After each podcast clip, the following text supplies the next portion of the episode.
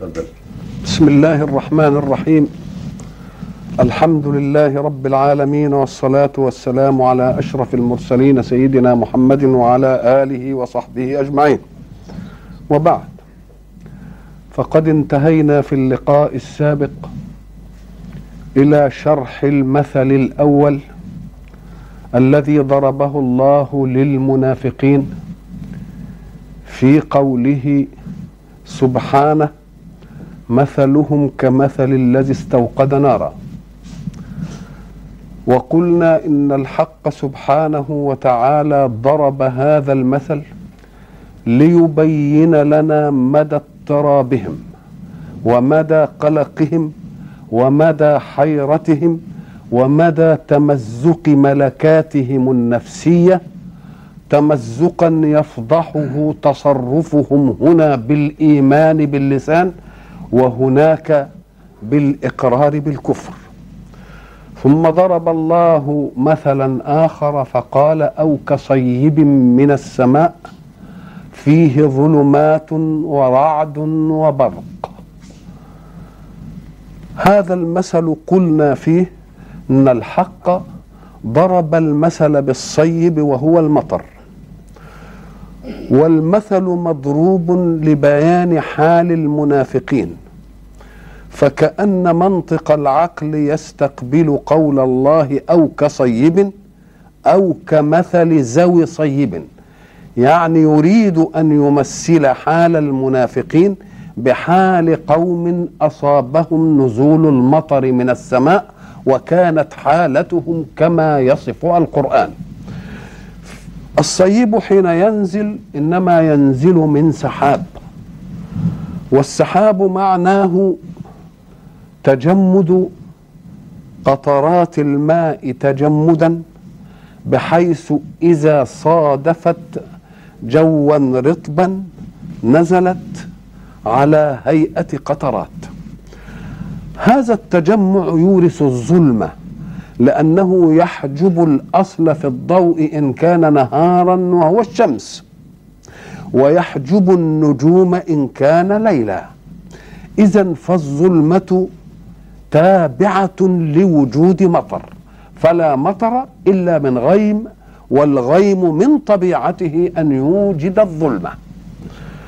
وينشأ أيضا من وجود هذه الظاهرة المطرية أن نسمع رعدا. وأن نرى برقا والرعد آلة استقباله الأذن. والبرق آلة استقباله العين. الرعد لأنه آلة استقباله الأذن. فإذا ما كان الرعد قويا أي أن طاقة الأذن في الاستقبال دون طاقة الرعد في الإرسال. ينشأ من هذا أن يفزع الإنسان على سمعه فيبادر إلى أن يمنع استقبال الأذن لإرسال الرعد. فما عليه إلا أن يضع أنامله هكذا ليمنع عن نفسه شدة استقبال شدة إرسال الرعد على استقبال الأذن. نلاحظ أن الحق سبحانه وتعالى أراد أن يصور لنا عنف الرعد بأنه جعل الحاجز الذي يحجزه ليست الأنامل وإنما هي الأصابع. ما قالش يجعلون أناملهم كما هي العادة؟ لأن الذي يدخل في الأذن ليسدها إنما هو الأنملة ليس الأصبع. أنا لا أدخل الأصبع في أذنه وإنما أدخل الأنملة فقط. ولكن الله يريد أن يصور فظاعة صوت الرعد بأن الإنسان لا يجد الأنملة كافية في السد. فيحاول جاهدا أن يدخل كل كل أصبع يبقى إذا يجعلون أصابعهم في آذانهم مكان أناملهم. ده يدل على أن الصوت شديد وتصور الإنسان في أن الأنملة لا تكفي في أن تسد الأذن فيبالغ الإنسان في حشر أصابعه أصبعيه أو أنملتيه في أذنه. هنا نلاحظ يجعلون أصابعهم في آذانهم. يجعلون أصابعهم في آذانهم اذا فالمستقبلون كثيرون. لأنه لو أراد كمثل صاحب صيب يعني شخص واحد ما يقولش يجعلوا يجعلون اولا وما يقولش أصابعهم وما يقولش في آذانهم بل إن كان يريد مثلا لواحد إنما يقول يجعل أصبعيه في اذنيه نلاحظ أنه كلمة أصبع لم توجد وجاءت كلمة انامل لم توجد وجاءت كلمة أصبع وعرفنا العلة في دي إيه؟ ولذلك انت تسمع يقول لك ده الصمام. صمام يعني إيه؟ اللي بنسد به القارورة. ومنه الصمم. الصمم كأن جت فيه حاجة سدت الايه؟ سدت الأذن. فأنا أريد بانملتي أن أسد أن أن أسد أذني. لكن هنا المثل لجماعة. بدليل يجعلون. وبدليل أصابعهم وآذانهم. العادة أنك إذا رأيت اسلوبا عربيا يقابل جمعا بجمع فاعلم أن القسمة تقتضي احادا يتأتى منها الفعل. احادا يتأتى منها الفعل يعني قد يتأتى الفعل باثنين اثنين. يعني إيه؟ يعني إذا قيل مثلا ونحن خارجون البسوا نعالكم. يبقى معنى هذا الأمر للجماعة والجمع للنعال إيه؟ يعني اللي يلبس كل واحد منكم نعلين مش كده ولا لا؟ تبقى القسمة اقتضت أن نوزع. قلنا لركب مسافر هيا فقد أزف الرحيل هيا اركبوا دوابكم أو هيا اركبوا سياراتكم. تبقى معناها إيه؟ معناها كل واحد يركبه سيارة أو كل الخمسة اللي راكبين في سيارة يركبوا إيه؟ إذا فحين يقابل الجمع بالجمع تقتضي القسمة إيه؟ يقول الأستاذ إذا دخل إلى الدرس لطلابه افتحوا وذلك أمر للجماعة. مش كده؟ دفاتركم والمفتوح جمع. يبقى ليفتح كل واحد منكم دفترة. أمسكوا أقلامكم. يعني ليمسك كل واحد منكم قلمه. حال أو يجعلون أصابعهم في آذانهم؟ يعني كل واحد ممن تشملهم هذه الحالة يجعل إيه؟ لا أصبعيه في أذنيه. اقتضت القسمه إيه؟ علشان إيه؟ تتأتى. كلمة أصبع دي آه في نطقها بيبقى الناس يعني تحتار. هنقولها أصبع. ولا اصبع ولا اصبع ولا قول له انطقها كما شئت ما دمت تسكن الباء ما دمت تسكن الصاد. سكن الصاد وانطقها على كيفك. قول إيه؟ اصبع اصبع اصبع انطق إيه؟ سكن الصاد ها؟ وانت إذا فالصاد ساكنة. خلاص؟ والهمزة الأولى يا تفتحها يا تكسرها يا تضمها. والبه برضه يا تفتحها يا تكسرها. ثلاثة في ثلاثة ويبقى بتسع صور. أم حبوا يكملوا بالعشر صوابع؟ أم قال لك وزيد عليها أسبوع؟ يبقى كلمة أصبع انطقها على أي وضع شئت. وزيد إيه؟ وزيد يبقوا كام؟ يبقوا عشرة تقول إيه؟ أصبع أصبع أصبع اصبع اصبع اصبع انطقها زي ما تجي. على كيفك. تبقى تديني كام إيه؟ تسعة. وتزود العشرة تقول إيه؟ وزود العشرة تقول إيه؟ أسبوع. يبقى يجعلون أصابعهم أي جمع أصبعين يعني يجعل كل واحد ممن في هذه الحالة أصبعيه في إيه؟ في أذنيه. من إيه؟ حذر الموت. الصواعق اللي هي النار اللي بتيجي في اللي زي اللي عملوا من أجلها على العمارات العالية حاجة اسمها يسمونها إيه؟ مانعة صواقع اللي بتنشأ من من كهرباء بقى في الجو وتلتفت تلاقي نار نزلت محرقة آه نيزك آه حتة من كوكب أي حاجة. نلاحظ في هذا أن الماء سبب للحياة. وما دام الماء سبب للحياة لا تظن أنك تستقبل الخير مجردا عن أشياء لازم تستحملها علشان يوجد الخير. فلو قلنا ما تجيش ظلمات يبقى إحنا مش عايزين المطر. لأن من الظلمات إنشاء المطر. يبقى لازم تعود نفسك إنك تشوف ظلمات. مش كده ولا لأ؟ رعد وبرق وهيصة دي لازم توجد أيضا. يبقى اذا المنافق يريد أن يأخذ ري الماء. فإذا ما فتن بشيء من هذه الأشياء فزع نقول له أنت أردت عاجل النفع ولم ترد آجل النفع. كان يجب أن تصبر على ما في مجيء الإسلام من شدة على نفسك. وشدة تلقاها من عدو الإسلام. كل ذلك كان يجب أن تتحمله في سبيل أن يبقى خير الإسلام كما يبقى خير الماء بعد زوال هذه الضجة لتنتفع به شرابا لك وشرابا لحيوانك وشرابا لزرعك وتسيبا في الأرض تخرجه على هيئة آبار أو تخرجه على هيئة إيه؟ عيون. إذا كل ده نشئ من إيه؟ من العملية اللي انت خدتها فلو أردت الخير مجردا عما يكتنفه من ألوان الشر اذا أنت لا تريد الخير الآجل. وإنما تريد أن تدفع شرا عاجلا ولا تلتفت أيها المنافق إلى خير إيه؟ إلى خير آجل. وكان يجب عليهم. لأنهم لماذا خافوا من الإسلام؟ خافوا من الإسلام لأنه سيعرضهم إلى ابتلاءات. سيعرضهم إلى فتن سيعرضهم إلى شدة وهم لا يريدون إلا الخير المطلق. نقول له أهو أنت زي مين؟ زي جدع صاحب المطر اللي عايز المطر بس ولا حولوش هذه الإيه؟ ولا حولوش هذه الإيه؟ هذه الأشياء. فكان يجب عليك أن تتحمل كل ذلك. لماذا؟ لما تنتظره من خير آجل يأتي به الإيه؟ يأتي به الماء حين ينزل مما يستفيد منه أنت وتستفيد منه أنعامك ويستفيد منه إيه؟ زرعك والذي يبقى يتسرب في الأرض يسلكه الله ينابيع في الإيه؟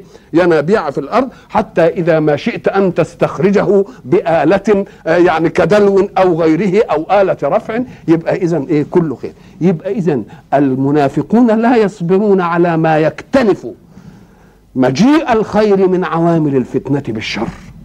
فالحق سبحانه وتعالى يريد أن يضرب لنا المثل بهم في هذه المسألة أو كصيب من السماء فيه ظلمات ورعد وبرق يجعلون أصابعهم في إيه؟ من الصواعق حذر الموت. والله إيه؟ والله محيط بالكافرين. الحق سبحانه وتعالى حين يصنع الكفرة أو المنافقون اللي هم يعني ألد في الكفر لأن إحنا قلنا إن المنافق كافر وزيادة. كافر وزيادة. الله محيط إيه؟ بالكافرين. محيط بهم إيه؟ علما. محيط بهم قدرة لأن الإحاطة أنواع. فيه إحاطة بالعلم بمعنى أنه يعلم خبايا نفوسهم. ولذلك سيعاملهم بظاهر قولهم في الحياة الدنيا ويعاملهم بخبايا نفوسهم في الحياة الإيه؟ في دي ناشئ عن إيه؟ عن الإحاطة العلمية. أو يحيط نبيهم ولو نشاء ولو إيه نشاء لأريناكهم فلعرفتهم بإيه؟ بسيماهم ولتعرفنهم في لحن الإيه؟ في لحن القول. أو هو محيط إحاطة قدرة. بمعنى أنهم لا يفلتون منه. فإن ظننتم أنكم أيها المنافقون تسوسون أعماركم وتسوسون حياتكم أمام الله وأمام المسلمين لتنتفعوا بخير أحكام الإسلام وظننتم أنكم بذلك تفلتون لا الله محيط بكم فلن تفلتوا منه ولا من إيه ولا من عقابه أو الإحاطة الإهلاك يقدر على إهلاككم ولذلك هناك إيه إلا أن يحاط إيه إلا أن يحاط بكم يعني تهلكون جميعا. ولا الآية الثانية اللي بتقول وأحيط بثمره. وأحيط إيه؟ بثمره. إذا فالحق سبحانه وتعالى يضرب لنا هذا المثل حتى يعلمنا أن المؤمن حين يؤمن. حين يؤمن يستقبل خيرا. ولكنه لا يظن أبدا أن ذلك الخير مجرد عن بعض المتاعب وبعض الابتلاءات. ولنبلونكم حتى نعلم الإيه؟ المجاهدين المجاهدين منكم. ونبلو اخر أحسب الناس أن يتركوا أن يقولوا آمنا وهم لا يفتنون؟ إذا فالمنافق ما يتحملش هذه الإيه؟ هذه الفتنة. وكان يريده خيرا إيه؟ هنا المثل إذا نظرنا نقوم نجد المثلين. الأول الذي استوقد نارا والمثل الثاني أو كذا صير متفقين في أشياء. الاتفاق الأول في إيه؟ فلما أضاءت وهنا كلما أضاء لهم مشوا فيه. يبقى المثلين الإيه؟ التقوا في هذه المسألة. أنهم ساعة يرون نور الخير يمرحون ويسرون. ولما ولما يظلم قاموا وقفوا. ما تحركوش حركة إسلامية. برضو المثل الثاني بيقول وإذا أظلم عليهم إيه؟ وديك فلما أضاء ذهب وتركهم في ظلمات لا إيه؟ في ظلمات لا يبصرون. هنا هناك يقول الحق صم بكم عمي فهم لا يرجعون. ليه؟ لأن منافذ الإدراك قد إيه؟ آه مش أغلقت غلقا طبيعيا بحيث لا يتأتى منه سمع؟ لا ده هي موجودة بس سمع لا يفيد. وعين تبصر ولكن لا تعتبر فكأنها موجودة وغير موجودة. موجود بدليل إن ربنا بيقول ولو شاء الله لذهب بسمعهم. اذا هو لن يشاء أن يذهب بإيه؟ بسمعهم. أمال إيه هناك صم بكم عمي؟ لا لأنه لو ذهب بسمعهم لأسقط الحجة عليهم. الحجة عليهم في أنهم لهم إيه؟ في أن لهم سمع. إنما سمع ما بيعتبروش به. يبقى اذا إذا ذهب الله بسمعهم أسقط عنهم الحجة. ولكن إذا بقي لهم السمع يبقى بقيت عليهم الإيه؟ الحجة. وانظروا إلى دقة الأداء في قول الله سبحانه. ذهب الله بسمعهم. فيه أذهب الله سمعهم. مثلا إنما كلمة ذهب الله بسمعهم الباء تقتضي المصاحبة. لما يقول ذهب السلطان بمال فلان. أو أذهب السلطان مال فلان. أي العبارتين اقوى حين يذهب السلطان مال فلان يبقى خلاص ضيعوا منه وبس وانتهت المسألة. إنما لما يكون ذهب به فكأن المال بصحبة السلطان لا يستطيع أحد أن يسترده. المال, بصحبة مين؟ أكنه ذهب به. يعني في إيده الشطر يجي إيه؟ إنما لما يقول أذهب الله ماله يقول للأتباع إيه؟ شيلوا منه المال ويمكن واحد من اللي تابع كده يجي من ورا السلطان يقول له خد يا شيخ مش عارف إيه يقول لك لا ده هو ذهب به. آه اصطحب الشيء. وما دام القوى الذي فعل اصطحب الشيء يبقى لا ي... لا أمل في إن واحد يسترده ابدا. إنما لما يقول أذهبه يبقى من الممكن إيه؟ أن يسترده من حاشية السلطان دون السلطان. لما أقول لك أنا خدته اللي, جدع بقى يجي ياخده من إيه؟ من ايدي إنما حين يذهبه بأي شيء من المذهب يبقى من الممكن أن إيه؟ يبقى شوف القوة. ذهب الله إيه؟ آه ولو شاء الله لذهب إيه؟ بسمعهم وأبصارهم. إن الله على كل شيء إيه؟ إن الله على كل شيء قدير. طب وما دام هو لو شاء لذهب بسمعهم إيه بتلتقي إزاي مع سم بكم عم؟ قال لك لأنه لو أذهب سمعهم كما قلنا وأبصارهم لانعدمت لانعدمت الحجة في السماع ولا انعدمت الحجة في رؤية مظاهر الكون ليستدلوا بها على واجب الوجود وإبداعه في إيه؟ وإبداعه في خلقه. إن الله على كل شيء حين تسمع كلمة شيء اعلم أنها أعلى الأجناس. ما يقال له شيء. ما يقال له شيء. بدليل إحنا قلنا مرة في حلقة سابقة أن الحق سبحانه وتعالى حينما أراد أن يبرز لنا طلاقة قدرته. قال إنما أمره إذا أراد شيئا أن يقول له كن فيكون. طب هو لا يكون إلا بكن. إنما إذا أراد أن يقول له كيف يكون مخاطبا قبل كن كيف يكون؟ ده بيقول المين يقول للشيء. كن. طب ده هو لا يكون إلا بعد أن يخاطب. مش كده؟ يبقى كأن الحق سبحانه وتعالى حين يريد امرا الإرادة جسمت الأمر فكأنه هو المخاطب. ساعة ما يقول كن يبقى حين يريد امرا يقول له كن مع أنه لسه ما جاش. يقول له كن إيه؟ فتجسيم إرادته في أن يكون كأنها إيه؟ كأنها أوجدته ليستمع كن فيكون. يبقى كلمة شيء على كل شيء إيه؟ قدير. يوجده من عدم يفنيه بعد عدم. كل ذلك أمر إيه؟ أمر. ليه؟ قال لك لأن الحق سبحانه وتعالى يريد أن يعلمنا أنه لم يخلق الخلق ولم يخلق السماوات والأرض بتصرف قادر واحد ثم خرجت من قدرته. بل هو بقيوميته قادر على أن يعدم الموجود.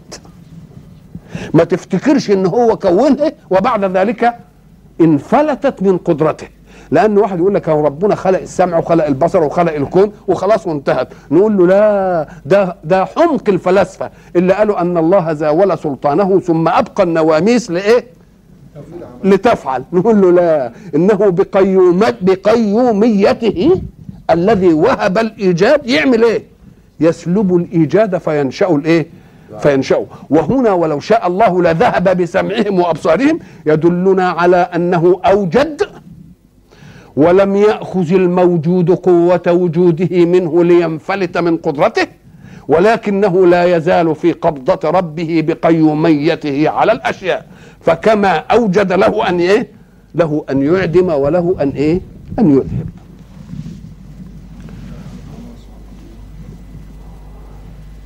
هنا في قول الحق يكاد البرق يخطف أبصارهم كلمة خطف دي لون من الأخذ. الخطف لون من الإيه؟ لون من الأخذ. الأخذ ده أنواع. مأخوذ ومأخوذ منه وآخذ. مش كده؟ أهو أخذ المأخوذ منه معط للآخذ. يبقى ده الأخذ الشرعي الحلال. ما دام الإيه؟ المأخوذ منه هو الذي يعطي الآخذ. يبقى آخذ عن إيه؟ عن معط هذه أحل الأنواع. آخذ عن إيه؟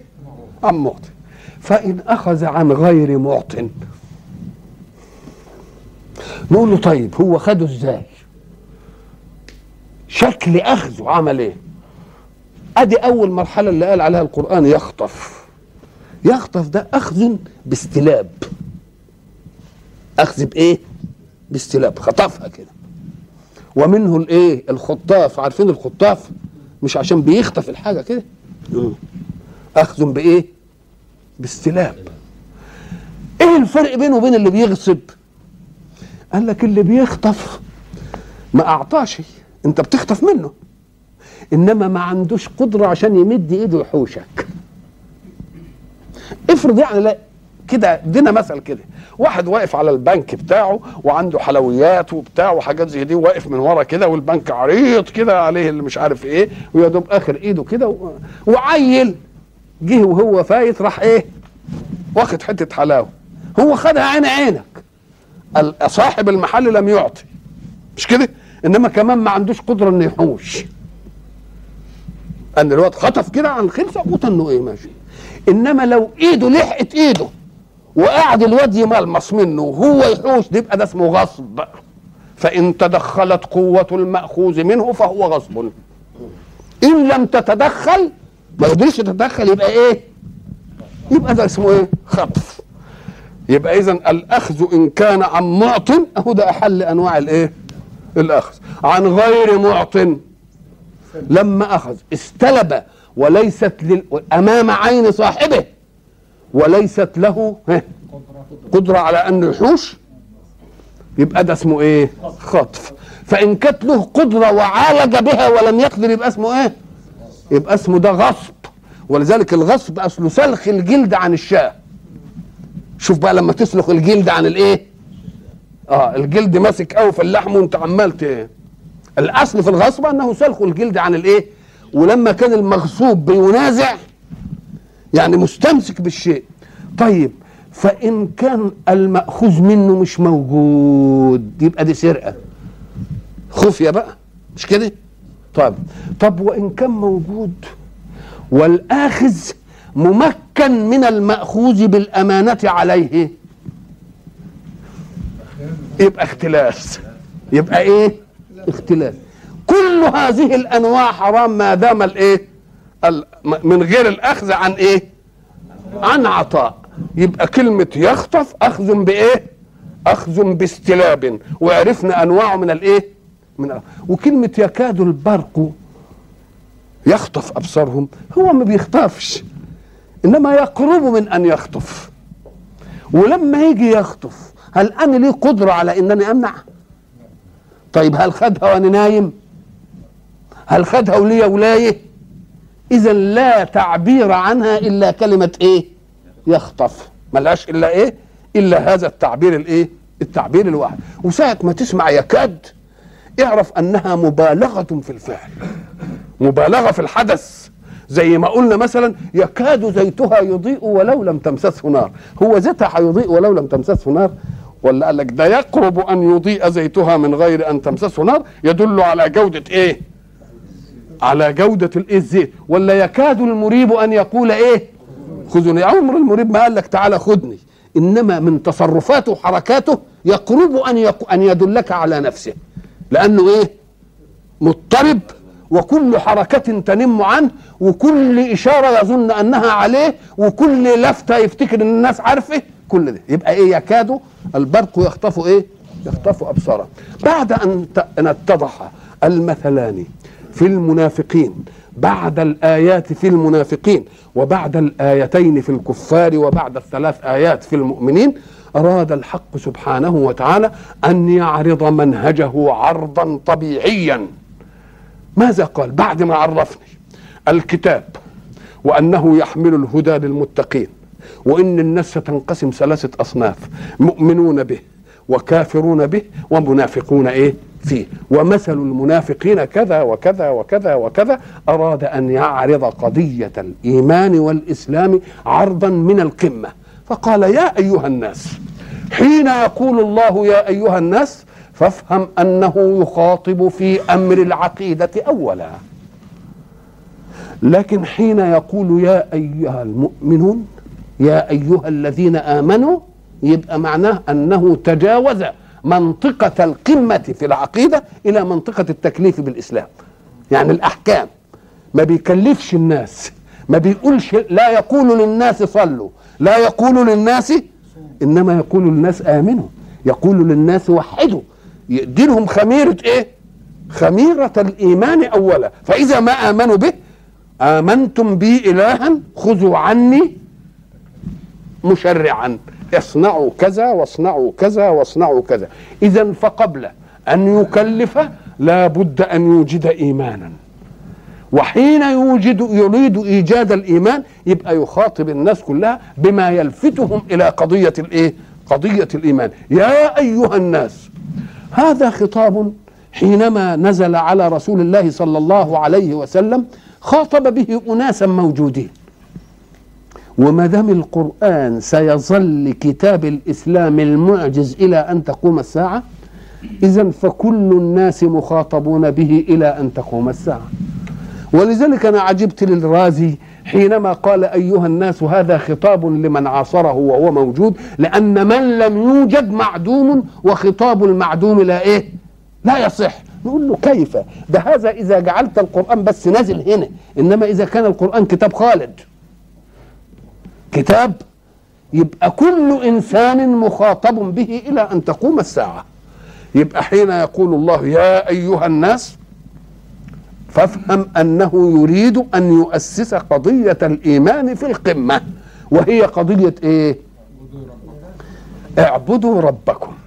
اعبدوا معنى اعبدوا ربكم إيه؟ يعني لا تتجهوا بالخضوع إلا إلى ربكم. وجاب الحيثيه كان يقول اعبدوا الله زي ما بيقول في آيات تانية للمؤمنين. لأن إحنا قلنا إن كلمة الله دي تقتضي إيمان بمكلف. إنما كلمة رب تقتضي إيمان بموجد ومربي. فكأن كلمة رب يقول له اختشي على عرضك أيها يا أيها الإنسان.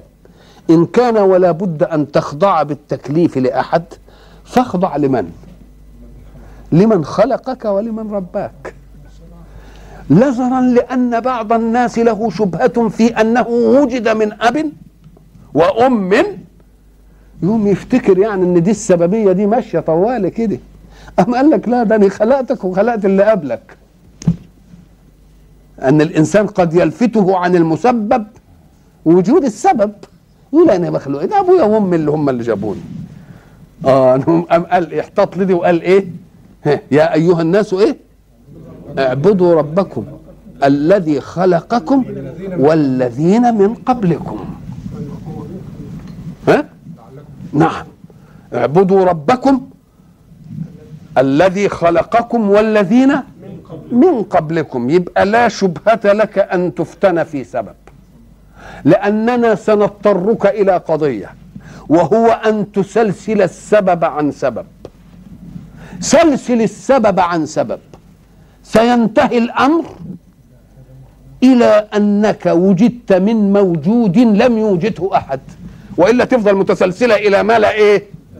إلى ما لا نهاية. أنا عن أبويا وأبويا عن أبوه وأبويا عن أبوه. نقول له الول أخيرا. وتنتهي إزاي؟ يبقى لا تقف السلسلة إلا إذا انتهيت إلى موجد أوجدك ولم يوجده أحد. يبقى اذا الذين من قبلكم عشان تمنع إيه؟ عشان تمنع شبهة الناس في السببية المباشرة. صحيح الله احترم السببية المباشرة. ولذلك لما أبر أبرنا إن هو قال اعبدوني وبالوالدين إحسانا. جاب الأصل الأصيل وبعدين جاب الإيه؟ السبب اللي أنا شفت إن هو أوجدني. نقوم نقول له عال سلسل هذه الموجودات فستنتهي إلى موجد لم يوجد. وما دام تنتهي إلى موجد لم يوجد لحد آدم نقول له طيب ومين جاب آدم؟ يبقى انتهينا المسألة. هنا اعبدوا ربكم الذي خلقكم ها؟ والذين من قبلكم. ليه؟ اعبدوه لماذا؟ لعلكم تتقون. زي ما قلنا تتقون إيه؟ صفات جلاله اللي هي الجبار والقهار وذو البطش أو متعلقات صفات الجلال من النار. مش كده ولا لا؟ يبقى تتقي دي أو تتقي دي يبقى المعنى واحد. المعنى إيه؟ المعنى واحد.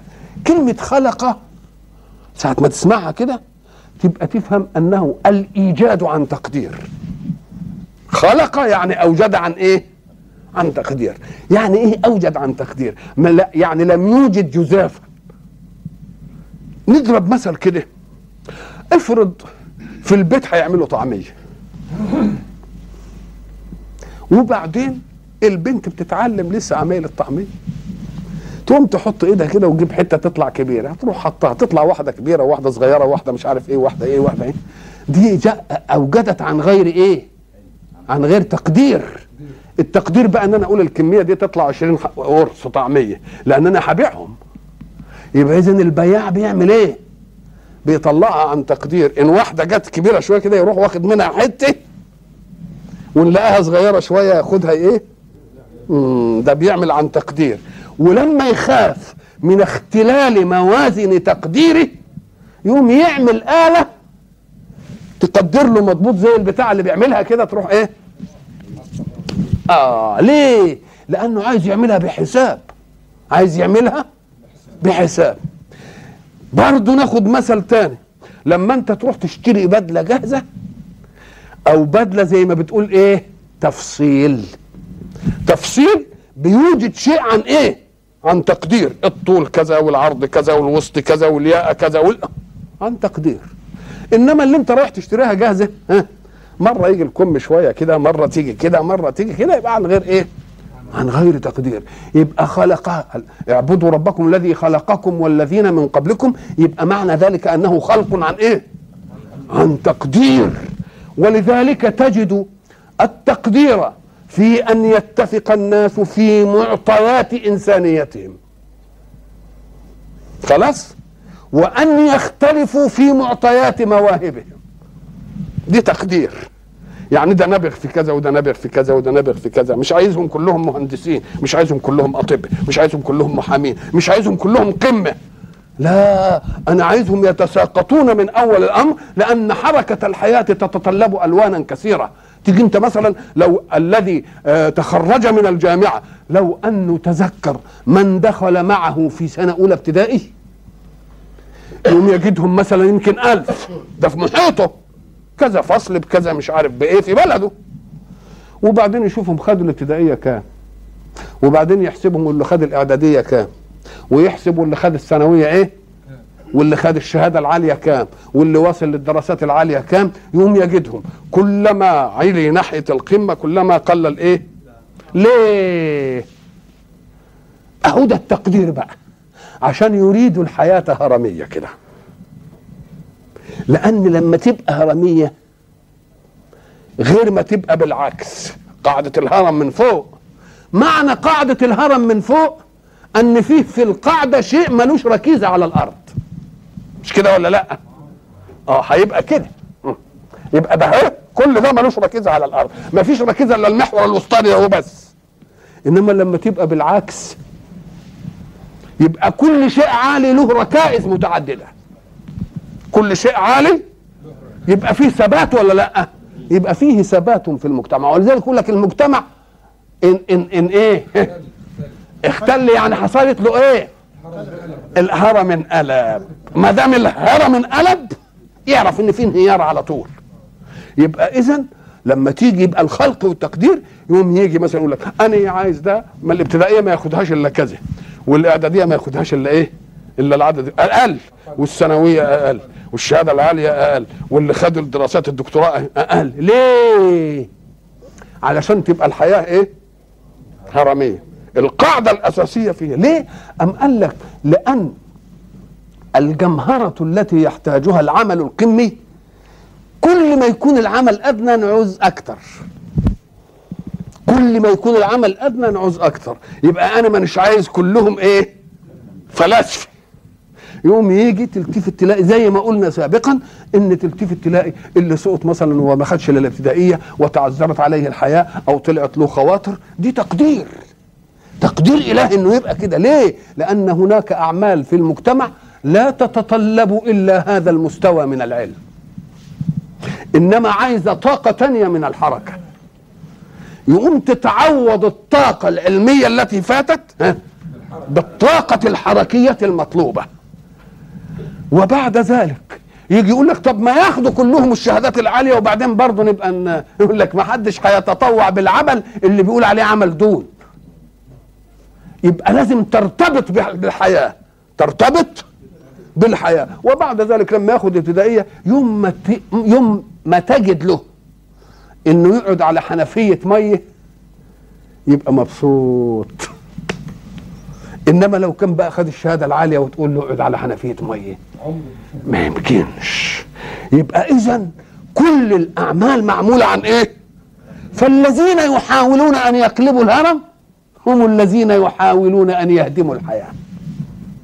يبقى لازم تترك المسائل تاخد إيه؟